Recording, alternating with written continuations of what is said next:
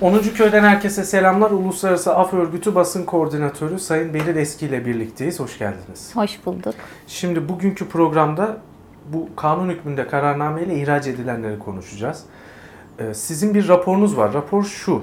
Dönüşü olmayan ihraçlar. Başlığınız bu. Evet. Ee, niye dönüşü olmayan ihraçlar diyorsunuz? Ee, bizim aslında bu ihraçlar sürecinde ilk olarak ihraç kararlarını e, inceleyen bir raporumuz çıkmıştı. E, bu raporumuz geçen e, Ekim ayında, Ekim sonunda çıktı ve e, o hal komisyonu yani ihraç kararlarını inceleyen mekanizmanın kararlarını inceleyen bir e, rapor. Ve e, bu rapor ortaya koyuyor ki aslında e, ihraç süreçleri nasıl adil, adil bir şekilde yürütülmediyse ihraçlara karşı itiraz mekanizması da yani o hal komisyonu dediğimiz mekanizmada adil bir süreç işletmiyor. İnsanlar neredeyse 3 yıldır e, itirazlarına cevap bekliyor e, ve çok az insanın itirazı kabul Evet. ediliyor. İade olan çok az. Evet, çok düşük rakamlar. E, tabii bizim raporu yayınladığımız süreçten bugüne e, biraz rakamlar değişti. O farkları da anlatacağım birazdan ama e, yani sürecin adil olmadığını ve o hal komisyonun adeta ihraç kararlarını onaylayan bir mekanizma gibi çalıştığını tespit ettik. He. Şimdi bakın raporun özetinde şöyle bir ifade var. Bir öğretmenle görüşmüşsünüz. Uluslararası Af Örgütü olarak ihraç Evet. edilen bir öğretmen şunu diyor. Düşünün. Bir sabah uyanmışsınız. Hem siz hem de eşiniz ihraç edilmiş. Yapabileceğiniz başka hiçbir iş yok ve nasıl geçineceğinizi bilmiyorsunuz. Bu sadece biri. 130 binden fazla insan ihraç edildi. Bunlar daha çok çocuğu olan aileler değil mi? Aile yani hepsi. İşte etkilenen insan sayısına baktığımızda milyonu buluyordur. Yani evet, e, yani zaten e, sırf ihraç edilen sayısı bile dediğiniz gibi en az 130 bin kişi inanılmaz bir rakam. İnanılmaz toplu şekilde ihraç edilen, genel gerekçelerle ihraç edilen e, büyük bir kitleden bahsediyoruz aslında. Bu kişilerin sevdikleri, yakınları da bu durumdan doğrudan etkilenmiş durumdalar. E, ve şu da var hani hep böyle ihraç konuşulduğunda işte e, güvenlik kuvvetleri işte orduda işte poliste yer alan Ya kişiler savcı, hakim, hani e, yargıda. bahsediliyor ama yani bu kişilerin arasında ziraat mühendisi olan var, öğretmen olan var, e, Müzisyen işte olanlar var. müzisyen olan var. Şoför, aşçı. Aynen yani çok aslında geniş bir yelpazeden bahsediyoruz. Bu yu- 130 bin kişi içinde gerçekten farklı mesleklerle uğraşan, e, farklı alanlarda çalışan ve bir şekilde damgalanıp Evet. e, ve ne, nasıl damgalandıklarını bilmeden işlerinden, kamu görevlerinden ihraç edilen çok sayıda insandan bahsediyoruz. Şöyle söyleyeyim. Mesela bunların içinde 2000 görme engelli var. Memur. İhraç. Ben onlardan biriyle KRT'de çalıştığım dönemde program yapmıştım. Ben 5 metre yakından kendi ailemi bile tanıyamıyorum. Nasıl darbeye karışırım demişti. Ve bu e, ihraç edilen e, görme engelli memura şunu sordum. Size göre ihraç gerekçesi ne olabilir diye. E, muhalif bir sendikaya üye üyeydim. Muhtemelen bundan dolayı ihraç edildim dedi. Kamuoyu şunu da bilmiyor. İhraç edilenlerin birçoğunun cemaatçi olduğunu zannediyor. Yani bu Gülen yapılanmasının içinde e, bulunan insanlar olduğunu zannediyor. Halbuki ağırlıklı olarak ihraçlar daha çok sol sosyalist çevrelerden e, gerçekleşti. Öğretmenler mesela daha çok yani hani siyasal anlamda söylüyorum yani kurumsal anlamda değil de işte HDP'nin de desteklediği bazı sendikalar var. Mesela oraya üye olan insanlar, memurlar ağırlıklı olarak ihraç edildi ya da muhalif olan insanlar yani bilinen insanlar ihraç edildi. Burada bir fişleme mekanizmasının da aslında e, hayata geçtiği de görülüyor açıkçası. Yani belki usulen işte bu sürecin nasıl işlediğinden biraz bahsetmek uygun olur. Şimdi bir sabah KHK ile ihraç edildiğinizi öğreniyorsunuz ve size hiçbir sebep sunulmuyor. Yani siz hangi davranışınız sebebiyle ve e, ne yaptığınızı bilmeden ihraç edilmiş oluyorsunuz ve buna karşı kendinizi yazılı olarak savunabiliyorsunuz. Tanık gösteremiyorsunuz. sözlü savunma yapamıyorsunuz. Bir hani görüşme, duruşma gibi bir prosedür işletemiyorsunuz. E, ve e, yani siz speküle ediyorsunuz. Yani düşünün bir yerde 10 sene çalışmışsınız. Siz o 10 sene boyunca kimlere hangi davranışlarınızla neyi hissettirdiğinizi, sizden nasıl bir profil çıkardığını tahmin etmeye çalışıyorsunuz. Bu ihraç sebepleri içinde tabii işte e, belirli bir sendikaya üye olmak, belirli bir bankada parasının bulunması, kız kızının belli bir okula gitmesi. Evet. Yani o kadar çeşitli sebepler var ki ve bu bu bahsedilen hani öne sürülen sebepler aslında yapıldığında suç olmayan. Yani hukuki dayanağı olmayan gerekçeler. Yani bunlar. bu bahsettiğimiz e, hani gerekçeler hani o sendikaya üye olmak bir suç değil ya da o bankaya para yatırmak bir suç değil. Daha sonra bunun bir hani suç olduğu ilan edilse bile yapıldığı dönemde suç değil. Yani hukukun en temel ilkelerinden biri suçun net ve kesin olmasıdır. Siz onun suç olduğunu bilir ve onu yapmazsınız. Evet. Hani önünüzdedir. Neyin suç olduğu bellidir. Dolayısıyla hani e, böyle sıkıntılar da var. Hani o sendikaya üye olmak yasalken o sendikaya üye olduğu için ihraç edilen e, insanlarda olduğu gibi E, ve daha sonra işte e, Ocak 2017'de kurulan OHAL Komisyonu dediğimiz bu ihraç kararlarını inceleyen e, mekanizmaya başvurabildiler. Fakat e, bizim raporumuz çıktığında yani Ekim sonu itibariyle e, yalnızca yani 250 bin başvurudan yalnızca 36 bini incelenmişti. E, ben bir e, göz attım hani son durum nedir diye. O hal komisyonu şimdiye dek e, 58 bin dosyaya red, 4750 dosyaya da kabul vermiş. Yani aradaki büyük fark görülebiliyor. Yani ihraç edilenlerin çoğunun kararı onaylanmış. Bu arada parantez içinde şunu soracağım. 250 bin başvuru mu dediniz? Evet. E, ihraç edilenler 130 bin. Yani o Pardon 250 bin değil 125 Ha, bin olacak. 125 Tamam bin, onu evet. düzeltmiş oldum. 125 bin başvuru yapıyorlar komisyona. 130 bin kişiden Evet. 125 bini başvuru yapıyor. Ancak şu ana kadar yalnızca yan, e, yani Ha. Mart ayı itibariyle yarısı kadarı incelenmiş durumda ve komisyon 15 ay içinde tamamlayacağını e, söylüyor. Bu ne demek oluyor? Yaklaşık 3,5-4 yıllık Evet. bir süreçten bahsediyoruz.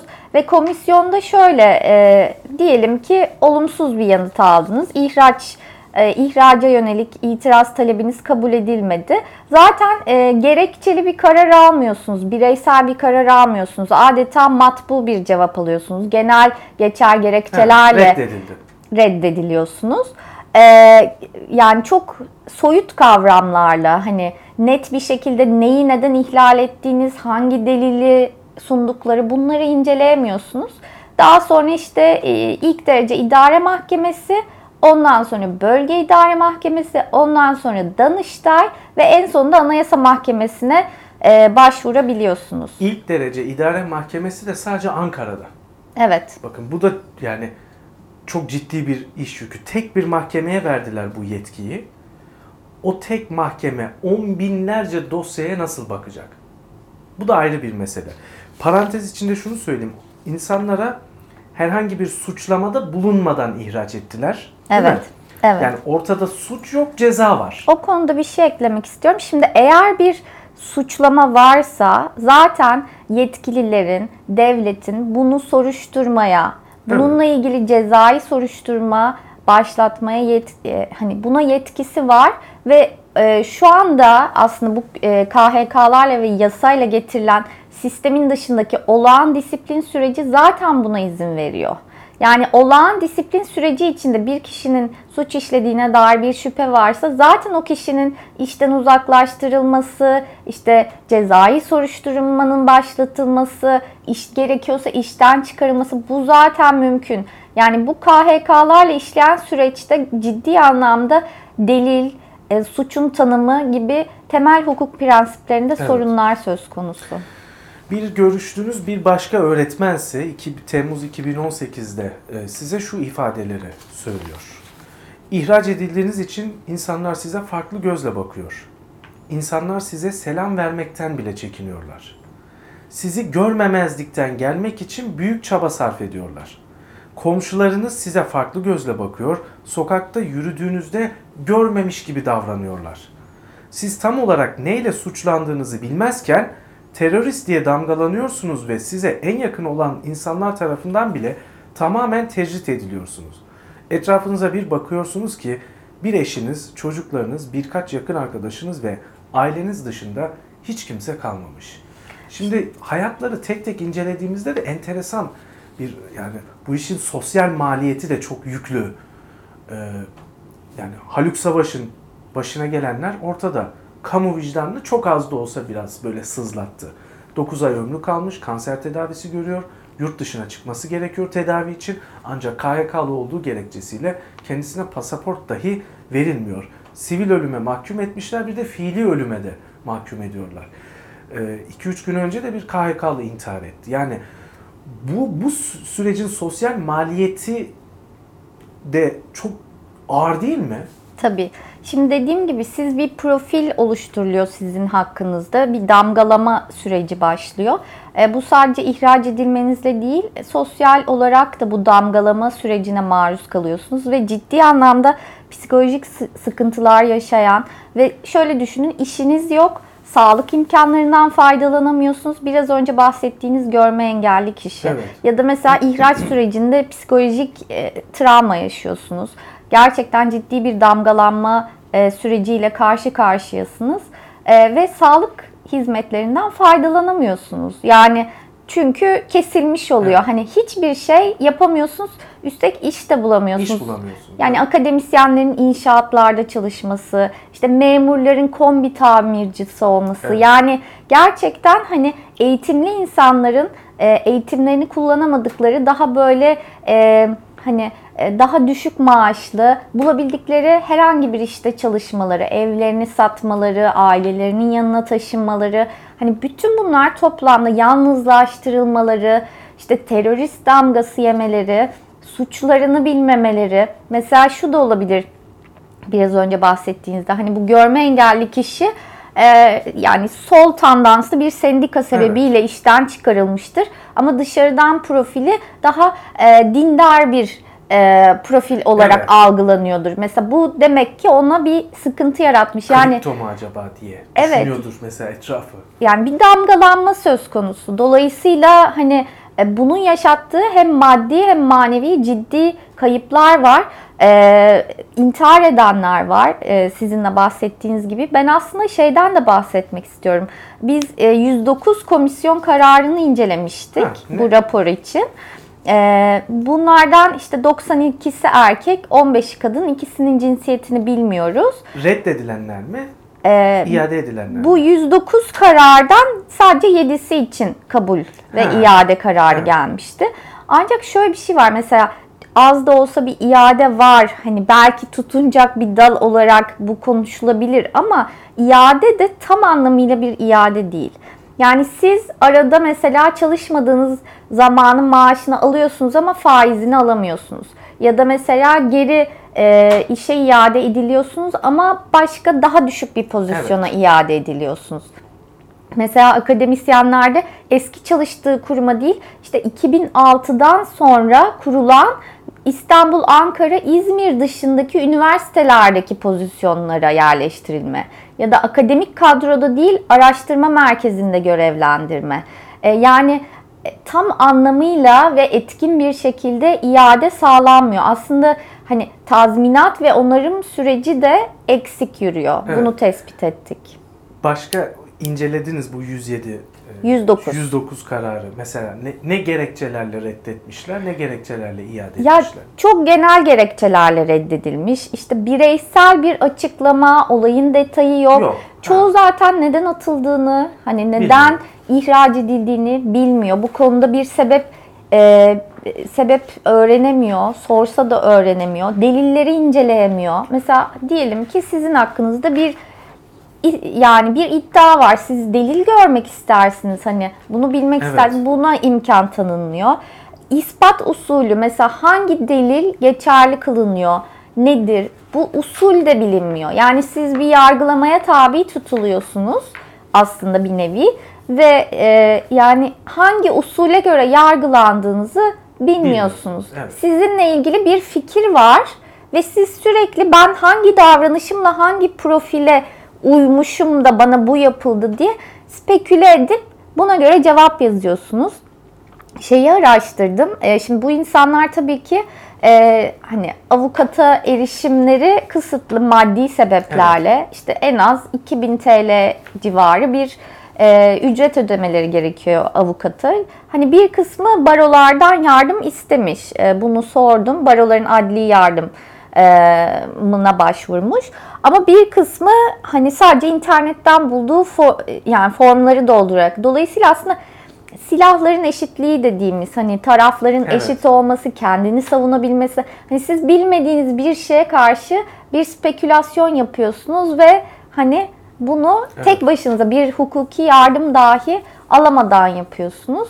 Gerçekten çok e, hani ihraç edilen kişi çok eşitsiz bir durumda bununla mücadele ediyor. Evet. Peki OHAL komisyonu anladığımız kadarıyla etkili bir hukuk yolu değil.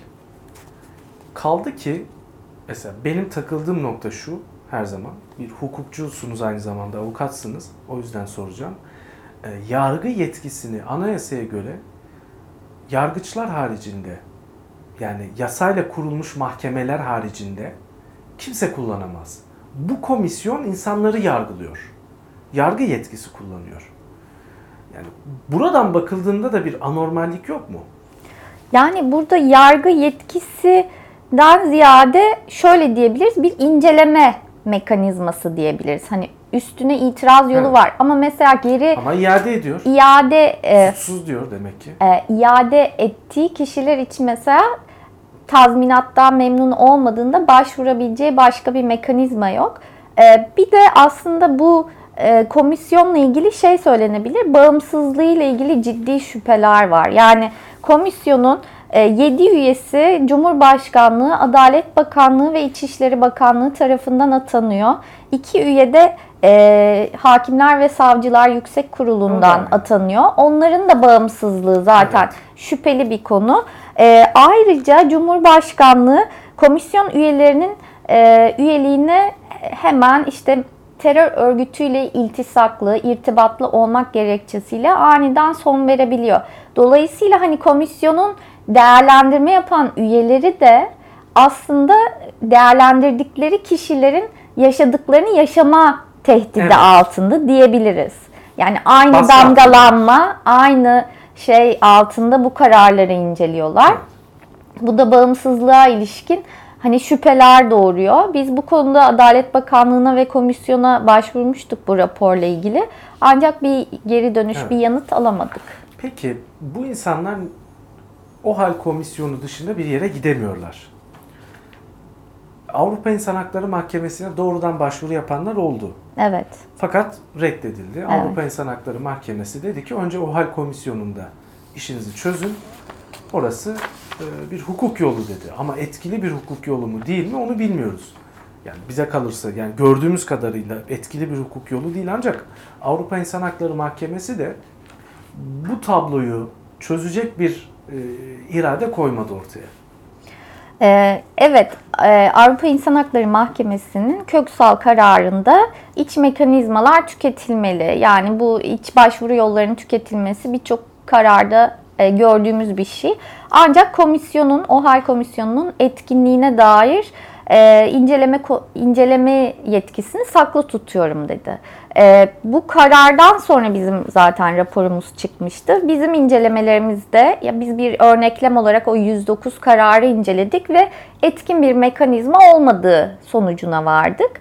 E, Evet, insanlar hala iç hukuk yollarını tüketmekle sorumlu. Ee, yani ahime doğrudan başvuramıyor. Öncelikle komisyona başvurmalı, daha sonra bahsettiğim süreci izlemeli. Ancak e, komi- komisyonun etkin bir şekilde inceleme yapmadığı da ortada. Dolayısıyla ahimden beklenen aslında bu etkinliği incelemesi. Evet. Şimdi sayılarla sektördeki ihraçlar raporunuzda var. Onu Evet. şöyle göstereyim. Bir tablo yapmışsınız. Evet, 33.500 öğretmen en az. en az. 7.000 sağlık çalışanı.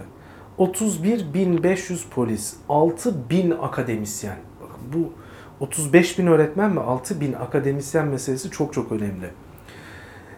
Bakın güvenlik açığını kapatabilirsiniz. Çok kısa bir eğitimle. Ancak sağlık çalışanı, akademisyen, öğretmen açığını böyle kısa süreli eğitimlerle kolay kolay kapatamazsınız. O açıdan önemli. 13 bin asker ihraç edildi. 39 bin civarı da diğer kamu çalışanı. İçinde kemancı bile var. Yani Cumhurbaşkanlığı Senfoni Orkestrası'nın şeyin e, karşılama komitesinden bir taburdaki askerler bile ihraç edilmişti. Şimdi o zaman bu insanların ahim dışında e, şu an başvurabileceği bir yer yok. Ahim de kapıyı kapattı ama bir umut ışığı yaktı mı? Ee, dediğim gibi hani bu etkinliği inceleme konusunu saklı tutmuştu.